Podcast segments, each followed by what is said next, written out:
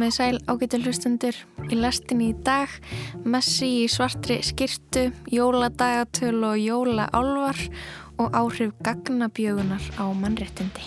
Það þarf að vesla jólagjafir, fara í jólaklippingu, halda jólakettinum í skefjum með nýjum jólafötum á alla fjölskylduna, kaupa viðgandi jóladagatöl, passa upp á að jólasveinandi 13 gleymi sér ekki og stilla þessum nýja bandariska álfiðu á hverju kvöldi. Og ég myndi frekar segja sko að þarna voru Katara kannski að, að, og mótsaldar að reyna að svona uh, eigna sér svolítið Messi og hann er vinnur þeirra og hann er svona í liði og hann stiður það og hann er einn af þeim sem er svona ímyndarlegt bara ímyndarlegt atriði Tölvurnar okkar eru farnar að þekkja okkur betur en við sjálfa sömu leiti þær geta spáð fyrir mannlega hegðun og skoðanur okkar en hverjar eru afleðingarnar? Skiptir einhverju máli hvort við sjáum peysuna sem okkur langar í á Facebook? Eða hvort við fáum afslóttarkóða fyrir barnavöggu áður en við förum í tólvegna sónar? Ég heiti Lóabjörg Björnstóttir og þetta er lastinn mánudaginn 19. desember.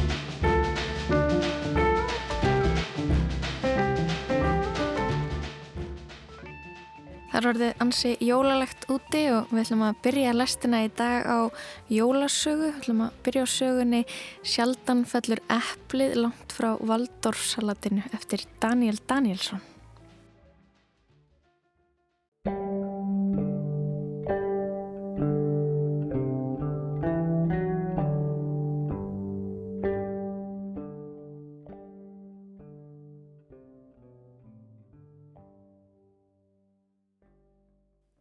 Ég finn yngöpakerru og hefst handa við að útbúa jötu fyrir sveinbarnið. Gref gæs upp úr kæliborðinu til að nota sem mjúkt undilag og skorða næst frumburðin á milli hangikjöts og hambúrgarryggs. Undir iljarnar legg ég villibróðapatti og breyði möndlupokum yfir búkin. Staldra við bakstusrekkan í búðinni og móka flórsikri upp úr pakkanum. Strái yfir hertan stút kvítvóðungsins. Ég læt vera að kaupa Macintosh, finnst konfettið hans Nóa miklu betra. Voru jólinn svona í fyrra, pappi? Já, lampi mitt. Og verða þau alltaf svona? Þú ræður.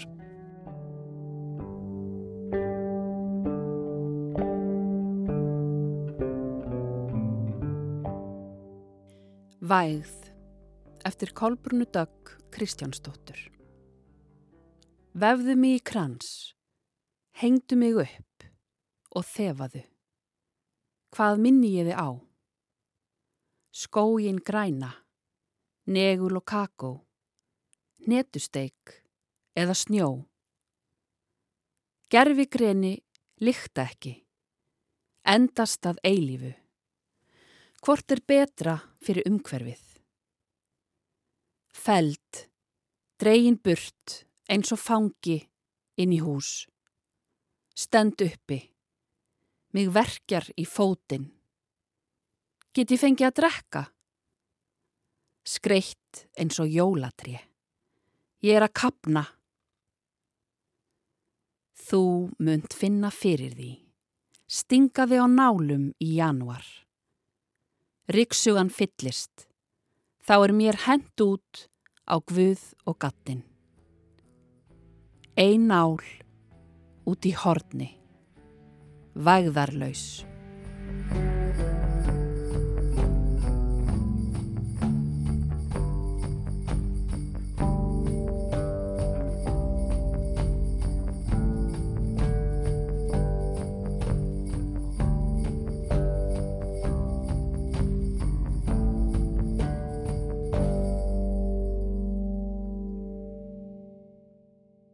Heyrðum við jólasögur reillistanema 90 orða sögur úr bókinni Greni sem við höfum flutt hérna í lestinni í desember og munum gera fram að jólum. En í gær var fátt annað til umræðu og kannski ekki skrítið en úrslitt á HM Karla í Knatsbyrnu. Lið Argentínu stóð uppi sem sigurverar eftir vægasatt æsispennandi leikamóti frökkum, leik sem fór í framleggingu eftir jafn jafntefli 3-3 og eftir vítaspurtin keppni var staðan 4-2 fyrir Argentínumönnum og þar með var Ferill Messi fullkomnaður heimsmystari í fyrsta sinn í úrslutaleik sem var nánast eins og ef mótshaldarar hefðu skrifað handrit að sínum drauma úrslitum. Lionel Messi er loksins heimsmeistari á fymta heimsmeistaramótinu tapaði úrslitum 2014 hætti með landsliðinu 2016 snýrist hugur eftir rúman mánuð. Og 2022 stendur hann á efsta palli á samt samerum sínum í argentínska liðinu. Þrenna fara á Mbappe döð ekki til.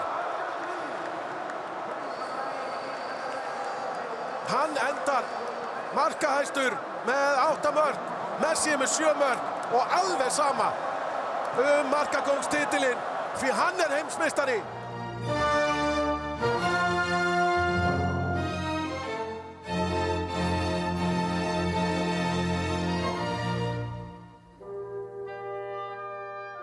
Hingað í lestina er komin Viðar Haldursson, profesor í félagsfræði sem er sérhægt sér í félagsfræði íþrótta. Viðar, þú ert búin að vera að horfa eitthvað á HM. Já, já, ég komst ekki hjá því, þetta er svolítið vinnan mín. Jú, ég er búin að fylgjast eitthvað með og, og hérna þessari keppni hérna í Katar. Þessi úrslitt í gær, faraðu í sögubækunar?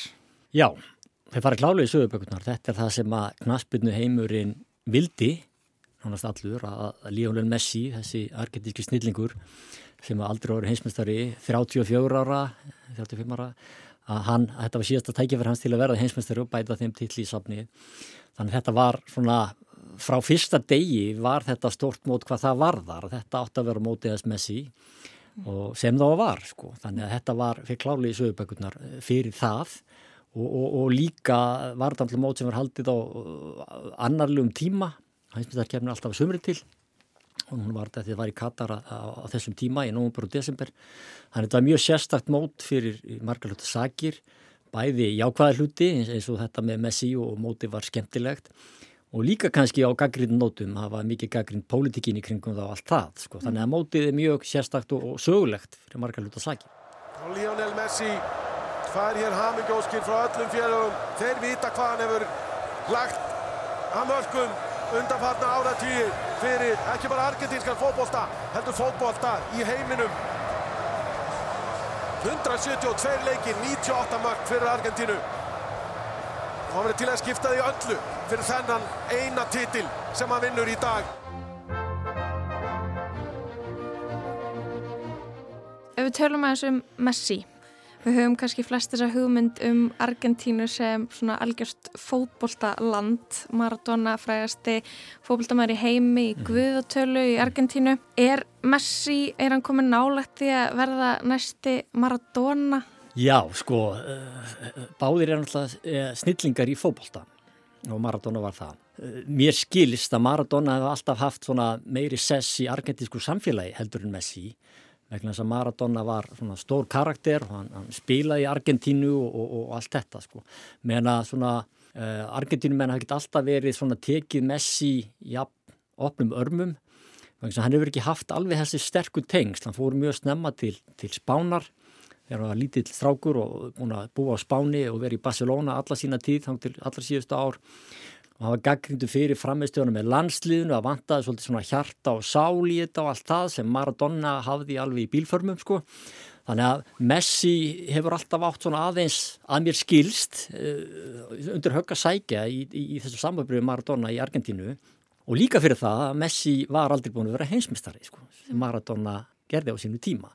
Þannig að Messi var að stóða alltaf í skugga Maradona og nú vilja margir segja að hans er komin úr þeim skugga Og, og, og hvort að þeir standi jafnfætis eða hvort, hvort annars sé framar hinnum er alltaf álítamál en hann er allavega komin úr skuggamaradona og ég held að argentinska þjóðun sé klárlega búin að taka hann algjörlega í sátt eftir, eftir heimsvöldatillinni núna um helgina. Mm.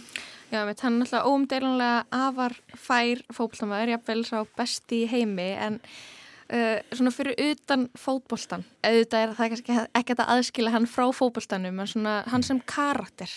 Hvernig, hvernig Já, karakter það, er það fer gott orð af honum. Hann þykir svona svona, þú veist, eh, hann er ekkit svona montinn og ekki yfirlýsingaglaður og, og svona svarar bara kurtleislega fyrir sig viðtölum og allt slíkt. Uh, hann er mjög einræðin held ég, eða svona introvert og hérna og, og, og svona kannski mynda hann fá ykkur greiningu sem, sem ungu drengur í dag sko. Og hérna, að, hérna en hann, hann er svona, held ég svolítið svona bara rólegur og, sérstakur og karakter þannig að sé. Sumir hafa nú haft orða því að hérna, hann sé nú kannski ekki svona, það vanti kannski svolítið, karakter í hann svona, sem personu mm -hmm. Það sem að Maradona var náttúrulega hinn um enda kvarðans og allt það og þeir eru svona síkur meina enda kvarðans kannski með hvað típunar var það? Una locura, la verdad que sí que, que se hizo desear pero, pero es lo más lindo que hay eh, no es lo que es hermosa, es hermosa. Dale un beso para la gente de Argentina que la está viendo y... ¿Sabes cuánto le besar? Es, es, impresionante, la verdad que la deseaba muchísimo. Eh, recién le decía ahí, eh, alguna vez lo dije, que, que, Dios me lo iba a regalar, estaba seguro y, y presentía que, que, era esta, que se estaba dando. Sufrimos un montón, pero, pero lo conseguimos y, y acá está ahora a disfrutar, vemos, no vemos la hora de, de ya estar Argentina. Ég var til dæmis svona, Messi er alveg stórkostluður, knasputnum maður, en ég sjálf verið bara gaggrinn á, á sumt svona hvernig hann ber sig, margan hátt, og, hefur verið að greina þetta í leikum, til dæmis er að Ísland gerði aftöflu Argentínu á heimsmyndarkefni 2018 og þá átti argentinska landslið í Basli með Ísland og það var, var fyrirliðliðsins og ég greindi leikin út frá líkamstjáningu leikmanna og samskiptum leikmanna og, og svona tákrænum samskiptum og allt þetta þannig að ég til að það sé svona partur af liðselt og stemningu sem að hjálpi leikmannum að takast áru erfuleikar á vellinum. Og Messi var sem sé fyrirlið á þessum árum en hann, hann segir ekki neitt sko, veist, hann, ekki, hann talar ekki mikið og talar sjaldan og inn á vellinum líka. Og hann var með rosalega neikvæða líkamstjáningu, hann var svona hókin og var að þetta fræga hann rennir hendinni í gegnum hárið á sér og eitthvað slíkt og er nýðurlútur sem er ekkit sérstaklega jákvæmt fyrir meðspilarna sko. og ég sagði ykkur tíman og hérna á ráðstöfnu á Spáni fyrir, fyrir fjórum árum, það sem var svona knaspinur ráðstöfna, þá sagði ég þetta fyrir spánverðarna að hérna að Messi væri nú eitthvað slagast í fyrirlið sem ég hefði séð sko, mm. út, út frá þessu öllu saman. Hann var fyrirlið að því hann bestur í fókbaltan en honum til teknað þá finnst mér hann hafa vaksið í þessu hann er orðin svona meiri fyrirlið argentinska landslýsins og svona hefur tekið finnst mér aðeins skref hvað þetta varðar varðandi líkamstjáningu, varðandi að tjá sig og allt þetta Og þessu móti var hann sérstaklega bara miklu öflur en hefur áður eins og allt argentinska landslið sem var bara miklu meiri stemning í því, miklu meiri liðseld, miklu meiri leiklið heldur hann veri áður og það gerir það kannski verkum að Messi og félagar náðu að, að, að, hérna, að stíga skrifið til fulls og verða heismistarar sko. Mm -hmm. Við tölum að þessum sko hvernig þessa móts verður minnst eh, það næstu því eins og það hefur verið skrifað eitthvað hefur verið skrifað handrita úrslitum þessar móts. Þeir mætast þarna Mbappi og uh, Messi báðir að spila fyrir PSG lið sem er í eigu Katara mm -hmm. uh, þetta er svolítið, svolítið farsæl endir á þessu sjónaspili sem átt sér staði Katar. Við töluðum mikið um Það var mikið talað svona í upphæða mót sem að sniðganga HM í Katar vegna mannreittindabróta þar og spillingar. Svo, ég menna, svona þegar það fór að líða á móti þá fór náttúrulega ekkert fyrir þeirri umræðu. Hvað, hvað segir svona um þessu úrslitt og svona, já, í rauninni þessa þróun að við hættum í rauninni alveg að tala um pólitíkina? Sko, uh, pólitíkin er bara þáttur af þessum stóru íþróttakernum, sko. Mm og hérna og eins og þjóðir sem eru að halda slíkar keppnir þær gera það í, í pólitísku tilgangi sko. og Katara fóru fyrir ykkurum áru markvist í það að inn á þennan íþrótt, inn í þennan íþrótt að gera til að marka sér sess í alltjóða samfélagi þjóða og hafa haldið heimstarkefni handbólta og eitthvað og keftu PSG og allt þetta og þannig að það var svona og því var mikil umræða að þeir hafi fengið þetta eitthvað á fölskum fórsendum, þessa keppni eða einhverjum annarlegu fórsendum, einhver, einhver brún umslög í, í Bakarbyrgjum og eitthvað svona, mikið talað um það, mikil spillingamál í FIFA. Og, og, og, og það var mikið gaggrind þetta með mannreitindamálin og það var mikið í, í, í rétt fyrir keppnina og kannski fyrstu tveim umförum í reyla keppni það sem að það svona mikil umræðum fyrirlega böndin með hvort það væri verið hægt að regnbóa band og allt það og mm. alls konar svona hlutir. En svo bara hverfur svo umræða sko, vegna það sem gerist alltaf í, í, í svona keppnum og í svona, svona samhengi þá tekur bara boltin yfir sko. Og leið og leikmennir fara sína listi sínar og ræða domgæslu og þetta og hitt þá bara hverfur hitt og það fennir yfir alla þessa gaggrinni þannig að fyrir Katara þá var mótið bara ganga 100% upp. Ekki kannski fyrir fókbaltaliðið þeirra sem er ekkit sérstakt og tapa öllum leikjónum sem mátti búast við en heldur í þessum tilgangi að sína að þeir gætu haldið stórkostlegt fókbaltamót þráttir að vera smáþjóð og það gengi ekki alveg bara náttúrulega fullkomlu upp bara fengu mikið mörgum, mikið áhorf mikið óvöndum úslitum þennan stórkostlega ústillarleik sem að Messi og Mbappe sem eru svona í þessu PSG liði sem að er í EU Katara voru að mætast, voru að stjórnurnar þannig að svona handritið var bara að ganga í alveg fullkomlu upp fyrir, fyrir, fyrir Katara vegna þess að Katara sko þeir eru ekki heimsmyndstari í fókbalta þeir geta sagt að þeir eru heimsmyndstari að halda stórkostlega þýrtamót mm. og það hefur rosalegt vægi fyrir þjóðina sem er að marka sér sess Eh, ekkert endilega menningarlega, sko, þeir eru ekkert endilega, ég held að það skiptaði ekkert stórkoslu máli þó að við séum að gaggrina eitthvað eh, hvernig þeir sko haga sínum málum var þetta marritindi eða samkynneigða eða slíkt. Aðalega þá í efnagslegu tilliti sko vegna þess að þarna eru búin að sína að við, við getum gert þetta með glæsi bara þá getum við gert allt sko Þannig að þetta eru gríðarlega efnagsleg tækifæri fyrir þá held ég og þeir hafa svona marka sér sess í þessu. Þannig að svona, ég held að það sé stóri ávinningurum fyrir, fyrir, fyrir þjóðina. Mm. Hefur Messi eitthvað tjá sig, hefur hann verið eitthvað, já, ofinbarlega sagt eitthvað gegn Katar eða verið, já, haft eitthvað út á að setja um eitthvað sem átt sér stað á í svona aðdraganda mótsins eða meðan að því stóð? Ekki svo ég viti til og það kemur mjög óvart ef svo væri. Er hann vanur að gera? Nei, bæði myndan, ég held ég hans ég ekki eh, personan í það og allt það og í öðru lagi þá er náttúrulega sko þá er hann þá að gaggrina vinnuvitundu sína hjá PSG sem að borgunuleinin og, og, og, og hafa hann í vinnu.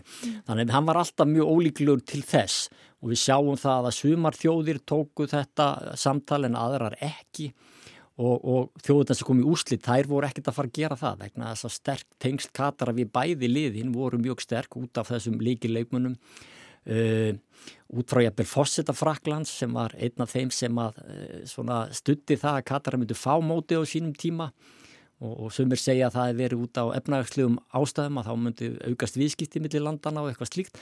Þannig að veist, það var aldrei í myndin þannig að það var eiginlega drauma ústættalegu fyrir Katar að fá þessi lið sem myndi ekki verið upp með neina gaggrinu og taka þátt í þessu sjónarspili sem kannski var svo sett upp á, á endanum og talandu um sjónarspila var náttúrulega tala um fátt annað heldur eins og úrslit í gær á samfélagsmiðlum skiljanlega en það, það voru ansið mikið fyrir því að eh, svarta skikjan sem að Messi var klættur í þegar hann tekur á móti uh, byggarnum það er kannski bæðið það að hann hefur verið klættur í þessa svörtu skikju sem langar að tala um og svo er það líka svona já það er þessi, hann, hann verður svolítið svona eins og svona eini maður en hann svolítið tekjun út fyrir liðið sitt svona eins og þetta sé sigurinn hans fyrir en sigur liðsins það, það snýst svolítið mikið um Messi en ef við byrjum bara að tala um þess að svörtu skikki, hvað lest þú í hennan gjörning? Þetta var mjög sérkennilegt í alla staði og, og, og, og ég er nú ekki sérfræðingur í, í, í, í menningu eh, miðusturlanda en, en mér skilst að þetta sé eitthvað svona virðingavottur fyrir þá sem að skara fram úr Sigur Sæli stríðsmaðurinn og allt það og þetta verður svona hann bara besti leikmaðurinn og þetta verður svona virðingavottur fyrir hann.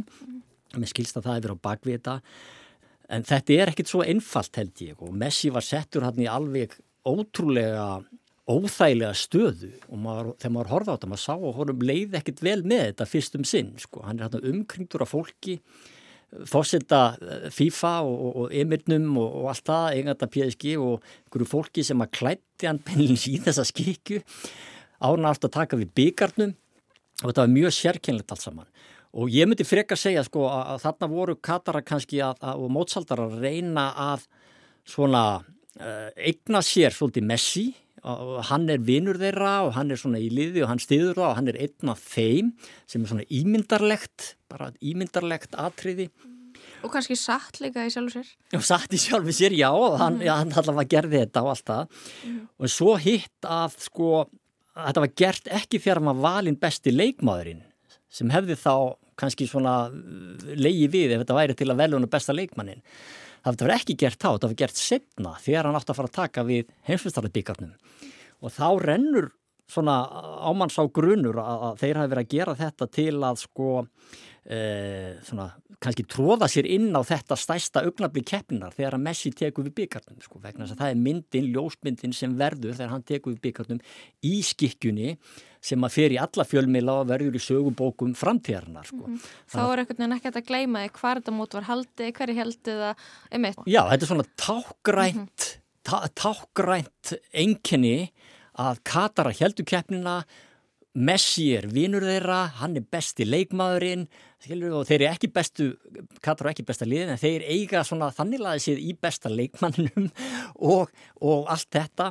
og þetta verður svona mjög sérkennilegt og, og þannig að svona, þú veist, þetta átt að vera svona loka bræðið þeirra finnst manni humor og tilfinningunni sko, til að nikja út með þessa hérna, íþrótt, þennan íþróttaþvott og þetta mjúka vald sem þeir voru reyna að ná í ekkur leiti gegnum keppnina mm. að nota þessa íþróttamenn sem svona einhvers konar dempara á það sem er í gangi í, í landinu og, og fá svona meira alþjóðar, alþjóðar samengi sko, samþykki vegna þess að öllum líkar bara vel við Messi sko, ef þú færð hann með þér í lið þá svona hversu slæmir geta þér verið? Mm. Katar, hversu slæm getur þessi geta þessi hlutir verið? Víst að Messi er hérna þessi góði drengur sko, bara besti vinu þeirra sko, þannig að það er svona hlutir svo, en hann var settur í alveg rosalega skringilega stöðu hérna og svona, og mér fannst þetta bara að lýsa ákveðinu svona yfirgangi sko, hann, hann gat, hann átti enga út, út, útkomuleið sko, undankomuleið. Ótrúlegur úslita leikur, ótrúleg vítakeppni, ótrúlegu dagur í Lusail, það heimsmeistramót sem flest mörk hafa verið skoruð á. Og mótið geimdi það besta svo sannarlega þar til síðast.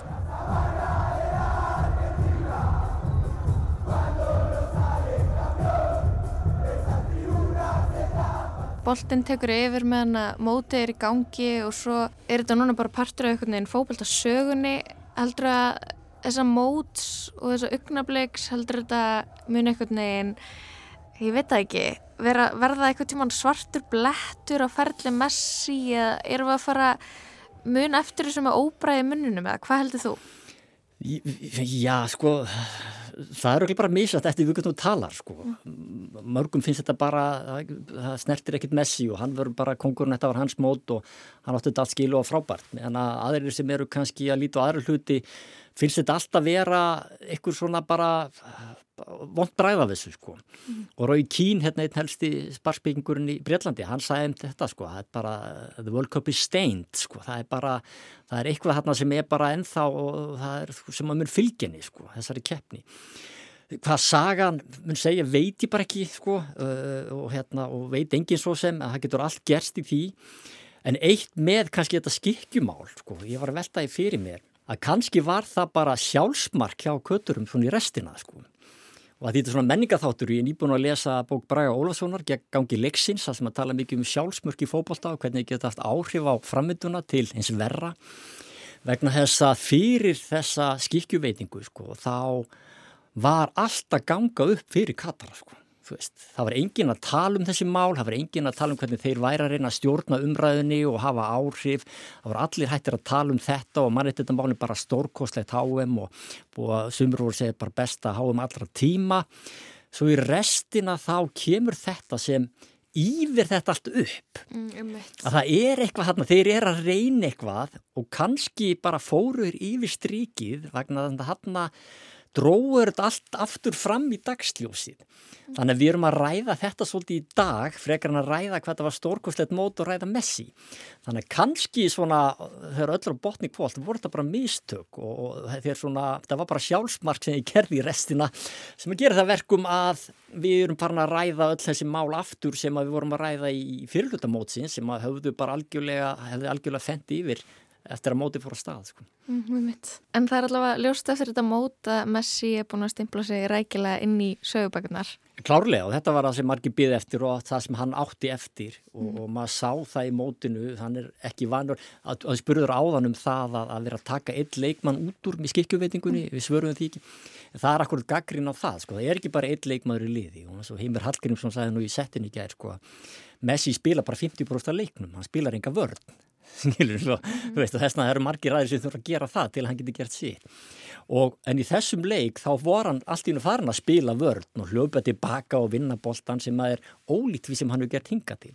Sem síndi bara hversu miklu máli þetta skiptan og hversu miklu máli þetta skipti argentísku þjóðina, þetta var rosalega mikið í húfi upp á hans orðspor og söguna og allt þetta og þannig að þetta verður þessu, mót, þessu móti verið minnst fyrir það í annan hátt en svo kannski fyrir allt, alla pólitíkinu kringum það en það á eftir komið ljós. Einmitt.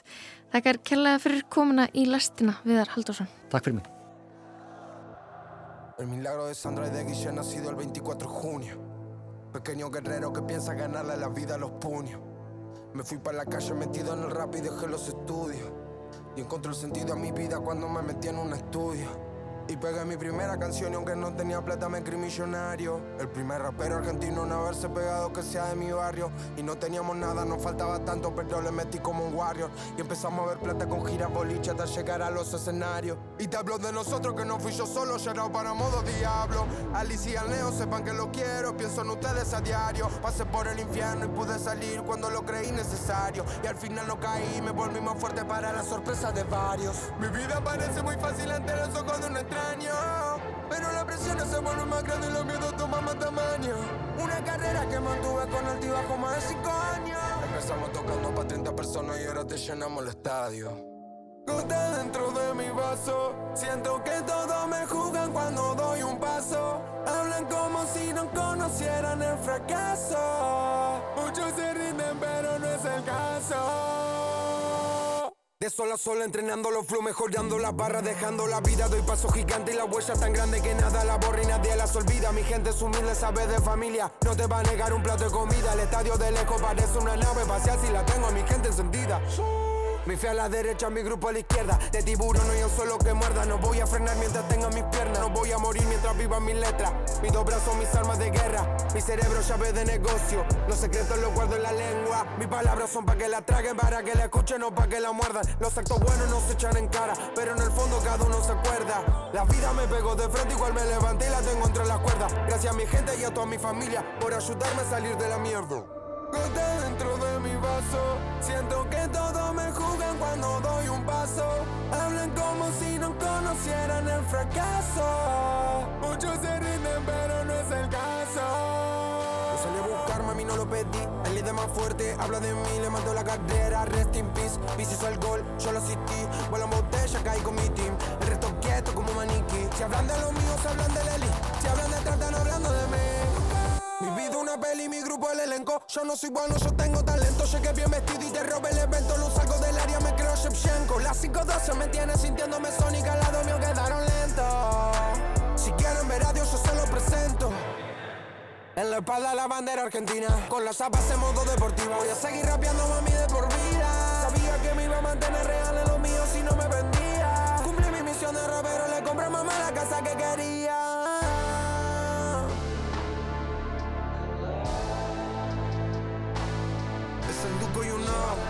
Argentina está en la casa, modo diablo está en la casa. Ya supiste, mami. Cada vez más fuerte, cada vez más fuerte. Después de tantos años yo no le diría suerte. Cada vez más fuerte, cada vez más fuerte. Después de tantos años yo no le diría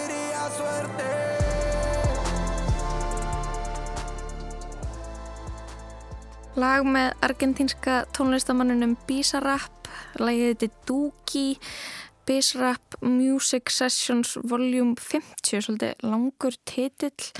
Um, Vinsall tónlistamæður þær landi en Argentínumenn fagnaði í dag og fagnuði í gær og munur gera næstu daga eða vikur. Uh, já, þeir uh, unnu HM í gær orðinir heimismestrar í knatsbyrnu Karla í fyrsta sinn síðan 1986. Ég rætti við Viðar Haldursson, prófessor í félagsfræði um Messi og svörstu skikkjuna sem hann klættist í gær þegar hann tók við byggarnum. Við ætlum að fara úr fótbolltanum yfir í jólaendirbúningin. Assa Borg Þorradóttir fer yfir hvað þarf að kaupa til að halda hátíðlega jól. Nú stittist óðum í jólinn, hátíð ljós og friðar. Að mörgu þarf að huga í aðræðanda jólana. Fyrir sumum er þetta dásamlegasti tími ársins sem einkennist af smákökubakstri, jólaföndri og hugulegum göngutúrum í skamdeginu. Önnur eru á barmi tauga áfals fram að áramótum til uppfyllar sínar eigin kröfur um fullkomin jól. Fólk kemur með gífurlega góð spartnaðaráð eins og til að mynda að byrja að versla jólagjafar á janúr útsölum. Það er kannski full senkt í rassin gripið að mæla með því korteri fyrir jól en ef fólk strengir sér það ármóta heit að fullkomna haksíni heimilusbókaldsins á nýju ári gæti þetta ráð komið að góðum nótum. Fyrir þau sem hins vegar hafa það ekki í sér að byrja að skipilegja næstu jól samtímist því að taka niður jólaskröð seinustu jóla er þetta ráð tilgangslust með öllu. Fyrir fólk með skuldmyndingarfóbíu er þetta einnig handónýtt ráð. Ég efast um að ég muni lifa eftir þessu snjalla spartarbragði en það er sjanslaust að ég skipla ekki jólagjafa innkaup marga mánuði fram í tíman til þess eins að láta þær sapna reiki inn í yfir fullri geimslu í tæft ár. Svo má spyrja sig, geta jólinn raunverulega komið án lamandi kvíðans sem fylgir því að vera á seinstu stundu að öllu?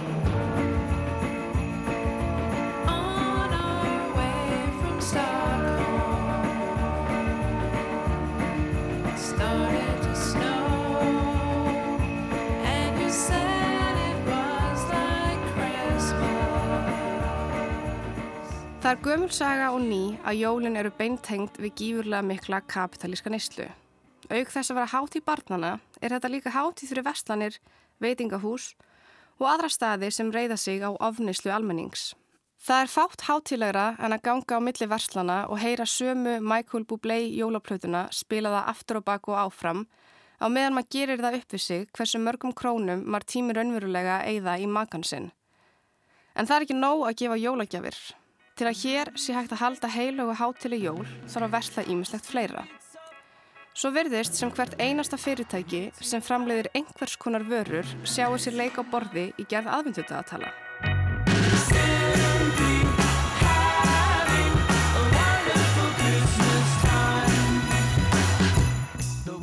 Úrvalið af sælgætistægatölum er orðið töluvert veglera heldur en það var þegar við sýstutnar suðuðum svoleiðis út úr döðþryttum fóröldrum okkar í novemberlokk.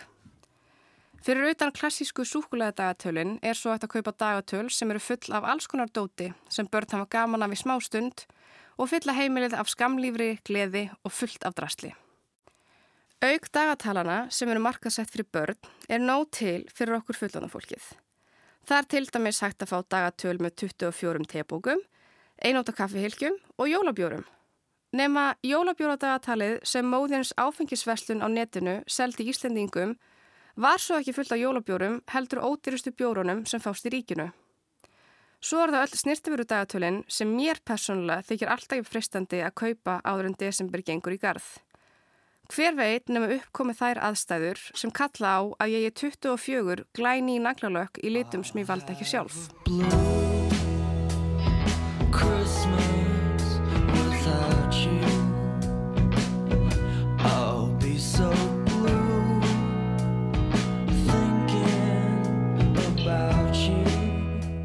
Til að kóruna þetta allt saman eru 13 jólasveinar sem hvert badnaheimili þarf að vesla inn fyrir. Upphaflega áttu íslensku jólasveinarnir ekki neitt sameinlegt með þeim rauðklæta sem við þekkjum svo vel úr amerískum bíomundum og í tengslum við Coca-Cola. Þjóðsærum jólasveinarna hefur breyst í áranar ás en nú má ekki lengur hræða börn með þessum ófrínulegu jólavættum. Jólasveinarnir eru vinir barnana eins og Jésús og gefa börnunum fallegar litlar gjafir í aðranda jólana. Þar sem ekki má mála jólasveinana upp sem einhverja ribbalda og nota sem uppeldistól, hafa sum íslensk heimili tekið upp glænían amerískan sið. Ég er auðvitað að tala um hinn allræmda Elf on the Shelf. Til þess að halda börnunum þægum og góðum í desember er keiftur sérstakur álfur á heimilið. Samkvæmt amerískum sið á álfurinn að koma úr vinnubúðum Jólasveinsins á Norðupólnum til að fylgjast með hátterni barna. Á kvöldin skýrir hann svenka frá því hver hafa hagað sér vel og hver ekki og er svo stilt upp á nýjum stað innan heimilisins. Skemmtilegur lítill leikur og um að gera að bæta enn einu verkefninu á verkefnalista jólana. En alfur er ekki það sama á alfur. Mar hefði kannski haldið að þetta væri allt sama tópagið en svo er vist ekki. Það er til ódýrari alvar og svo er til alfuru gæða alvar. Spurningin er, hvað ertu tilbúin að borga fyrir að fullkomna þennan nýja sið?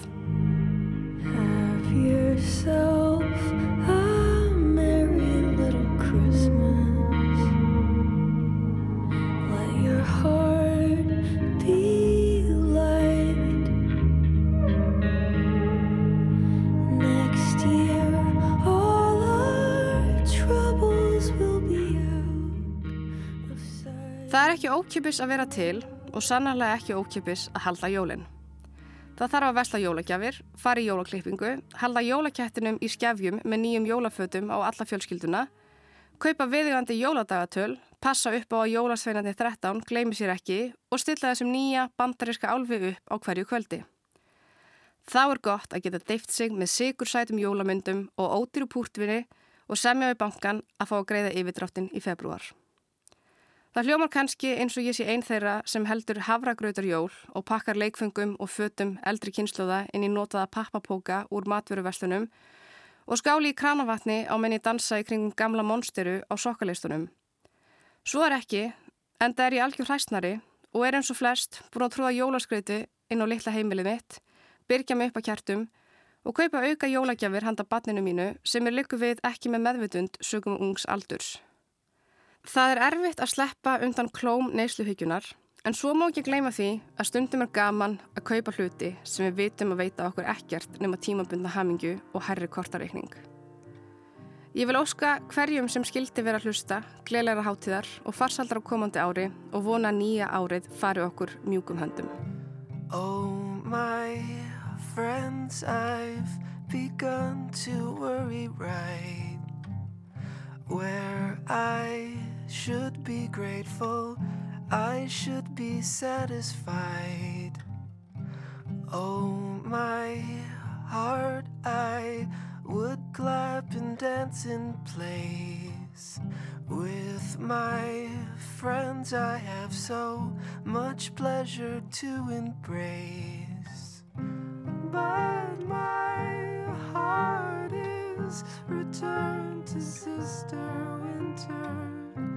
But my heart is as cold as ice.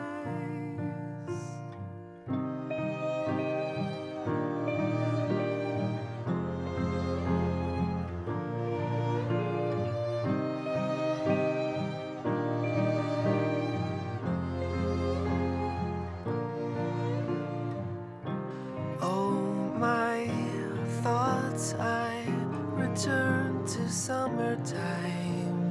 When I kissed your ankle, I kissed you through the night.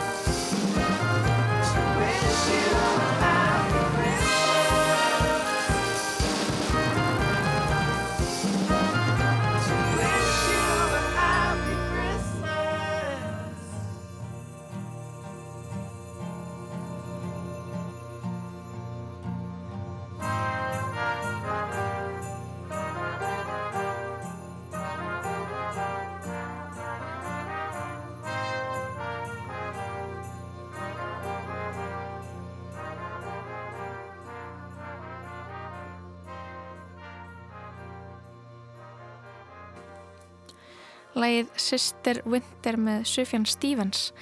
En það var hún Assa Borg Þorðardóttir sem fór yfir það sem þarf að kaupa í aðdraganda jólana á Íslandi. Enda erum við farin að taka upp bandariska siði auk þeirra íslensku. Hún talaði í því samhengi um álfin á hillunni Elf on the Shelf. Þetta er lítill álfur sem að gerir prakkarastrygg meðan að börnin sofa.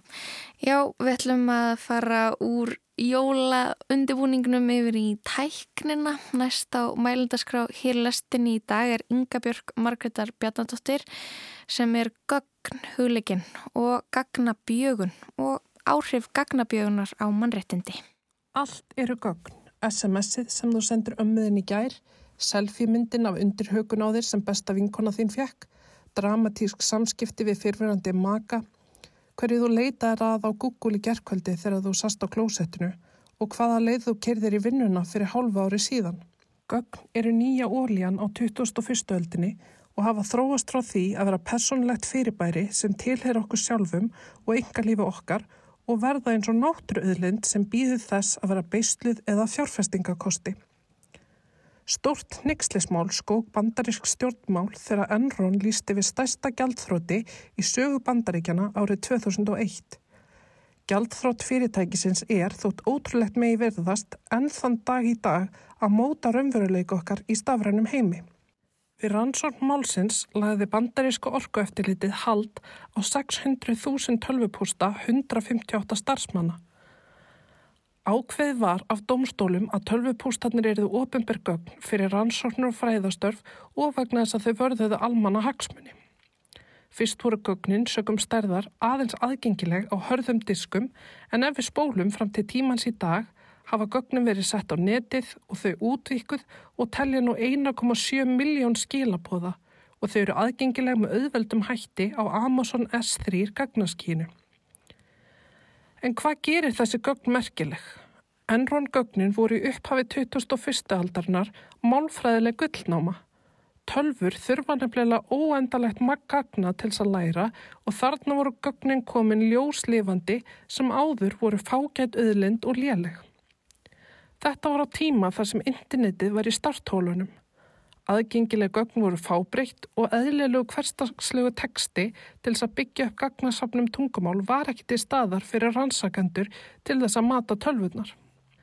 En gagnasafnið hafði skekkju sem átt eftir að hafa afleðingar um ókomna tíð.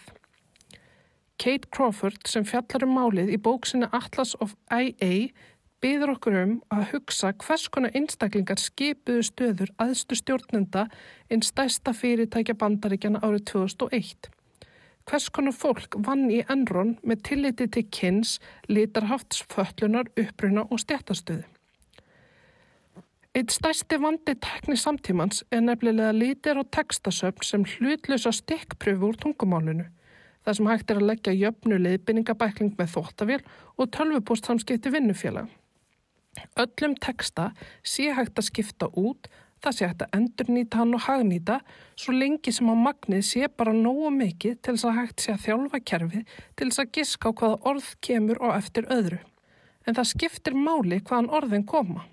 Ef það eru skekkjur í teksta og bjögun eru þar byggðarinn í starra kerfi og þau kerfi valda svo allskins afleðingum í lífi fólks og í samfélagunum sem nota þau. Það er ekki til hlutleysi tungumáls og öll tekstasöfn eru til í samhengi við tíma, stað, menningu og pólitík. Og sama hátt eru tungumál hópa sem ekki hafa eins mikið magna á gögnum á bakvessi og þar af leiðandi lægri rödd ekki aðganga kerfunum.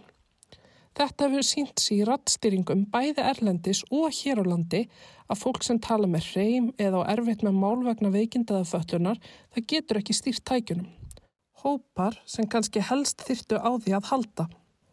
Í kringum aldamótin voru gagnasöfn með andlitsmyndum mjög fágætt auðlind og var brugðið á það ráð í George Mason háskólanum í Bandaríkunum að taka ljósmyndra fólki með mismöndi svipregði í ólíkri lýsingu frá ólíkum sjónarhóttnum í mismöndi fötum og jafnvel yfir nokkra ára tímabil til þess að búa til gögn, til þess að kenna tölvukerfum hvernig fólk lítur út og hvernig það breytist með tímanum. Á þessum tíma þurfti samþyggi fólks fyrir nótkun myndana en svo menning átti heldur betur eftir að breytast. Þegar netnótkun fór að aukast þurfti ekki lengur að búa gögnin til. Það var einfallega hægt að sækja þau á samfélagsmiðla þar sem sjálfsmyndir fór að byrtast af alls konar fólki í alls konar aðstæðum, lýsingu, pósum og fötum. Týst og stöðu uppvæslu samfélagsmiðla hrúuðust í 20.000 og síðar miljónum á hverju klukkustund. Fólk hliður um upplýsingum um sig sjálfviljugt, merkir hver er hvað á hvaða mynd og hvar hún er tekin. Þannig fá tölvurnar ekki bara gögn heldur geta tengt þróun aldurs og mert fólk á tiltækna staði. Vinnan er ind af hendi í skiptum fyrir afþrengu og þáttöku í stafrænum heimi.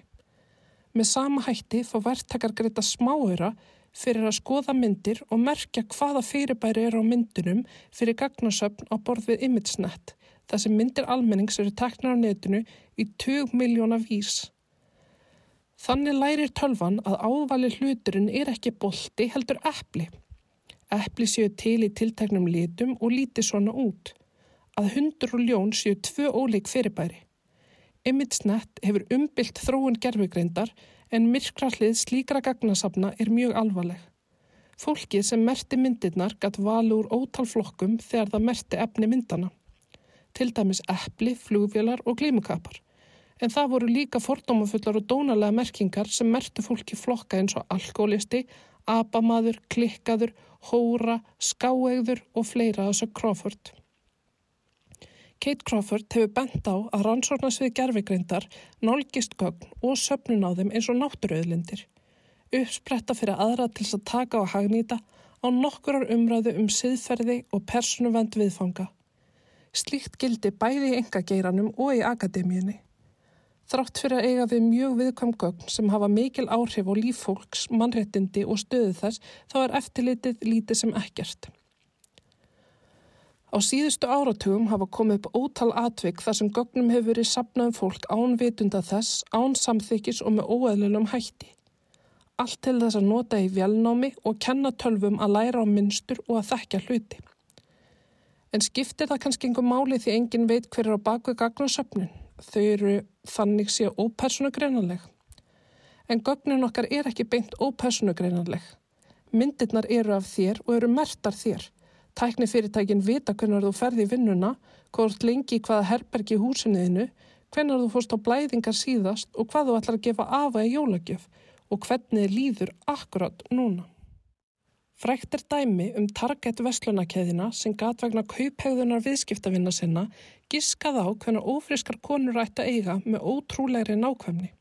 Fyrirtækið komst í fréttinnar fyrir að koma upp um að úrlingstúlka veri barnsáhandi með því að senda heim til hennar afsláttar með það fyrir vöggu. Kauphegðun hennar líktist nefnilega kauphegðun annara kvenna þegar þar voru nýordnar barnsáhandi. En vegna þess hver óþægileg fólki finnst nákvæmnin eru fyrirtækin byrjuð að setja handofskendar auglýsingar og afsláttar með það inn á milli. Þannig sé barnsáandi kona bæði sláttuvélar, vinglus og barnafödd og mun frekar kaupa barnaföddin en ef hún sæi bara barnadót og barnavörur. Henni líði betur með það og upplifur ekki að sé njósna um sig en target selur henni samt vörurnar. Tölvurnar okkar eru farnar að þekkja okkur betur en við sjálfa sömu leiti. Þær geta spáð fyrir mannlega hegðun og skoðanur okkar. En hverjar eru afleðingarnar? Skiptir einhverju máli hvort við sjáum peysuna sem okkur langar í á Facebook? Eða hvort við fáum afslóttarkóða fyrir barnavöggu áðurum við förum í tólvegna sónar? Uppgangur tæknirisa og fyrirtækja og nýting stjórnvalda á þessum lustnum hafa margvíslegar afleðingar fyrir almenning. Bjögun kerfana gerir það verkum að þeir sem standa vel í samfélaginu njóta oft ávinnings af slíkri gagnasöfnun eins og til dæmis afslátt á tryggingum sínum á meðan hópar sem eru jæðarsettir og fátækir búa meðal annars við aukið eftirlit og afleðingar af harðri löggæslu. Stjórnvöld Erlendis eru þegar farin að nota þessi kerfi til þess að ákvarða hverjir eru líklegir til þess að brjóta af sér aftur, hvaða fóreldrar eru líklegir til þess að vanrækja börnin sín, hverjir eru að hljóta örorkugreðslur, hvaða fólk tilheyri glæpagengjum og svo mætti áfram upp telja. Þessi kerfi byggja mjög bjöguðum gögnum og hafa raunverulegar afleðingar fyrir fólk af holdi og blóði. Þrátt fyrir að grav alvarlegir gallar hafi komið fram heldur nótkunn á kerfinum áfram og þannig festa tölvukerfin í sessi þau fordómafullu viðþorf og kerfi sem ríkja í samfélagunum sem þau eru sköpuð í. Við getum skoðað nýlegt dæmi hér á landi þar sem blindum foreldrum var meina að fljúa með SAS flugfélaginu til Íslands með unga barn. Það var metið að það væri öryggisókn að þau væri ekki með aðstóð. Þetta eru foreldra sem lifa sínu lífi og þekkja sína getu og sín mörg. Í mörgum samfélögum, ef ekki flestum, ríkjast líki fordómar gafkvært föllum foreldrum þar sem efastur um hæfni þeirra og getu til þess að veita börnum sínum allt sem þau þurfa. Alþjóðlega rannsóknir sína að börn sem eiga fatlaða foreldra eru oftar tekin af foreldrum sínum og fyrir minnið sakir og fatlaðir foreldrar óttast mjög afskipti barnavendar yfirvalda vegna þessari ríkjandi fordóma í samfélaginu. En hvernig myndi föllum foreldrum og börnum þeirra vegna í tölvukerfi sem fengi að meta gogn úr slíku samfélagi? Sem niðurstaðan væri, börn eru tekin af foreldrum sama sem fatla fólk líklæra til að ráða ekki við hlutverkið. Í stað þess að niðurstaðan verði svo að þeir verða fyrir auknu eftirliti, hafa minna sveirum til að gera mistök og oflítinn stuðning í fjársveltu velferðarkerfi.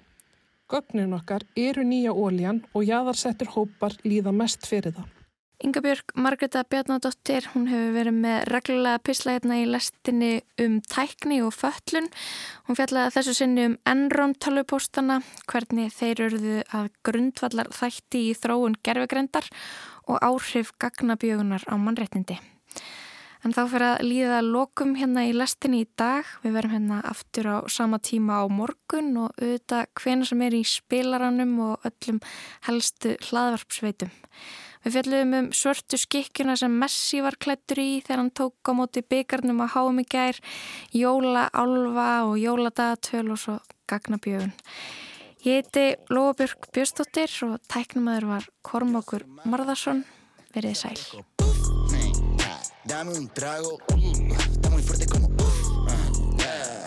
Mira como estos niños aquí quieren ser como yo, no como tú, estoy flexing en Cuba. Vos sos fantasma, solo dices boo. Yo soy mago, desaparezco. Dame un trago, está muy fuerte como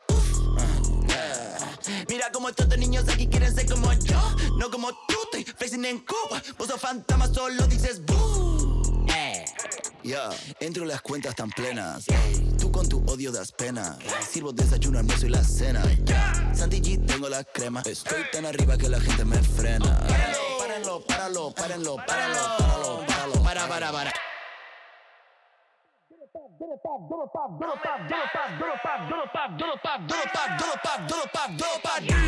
Estaba recodido el contacto, pero ahora ya lo tengo, tengo toda la cabida. Tanto escondido en el estudio laburando y por cierto eso me salvo la vida. Ahora billetitos en el aire, Buenos Aires conquistado, yo no paro esta china. Hasta que me escuche la vieja chota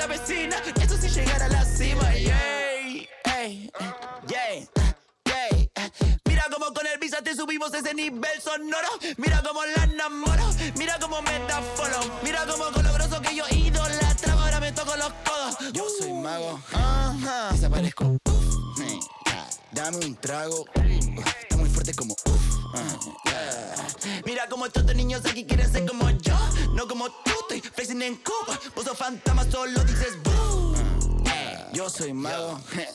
Desaparezco dame un trago. Uh, está muy fuerte como. Uh, Mira como estos niños aquí quieren ser como yo, no como tú. Estoy flexing en Cuba. Vos sos fantasma, solo dices boo. Yeah.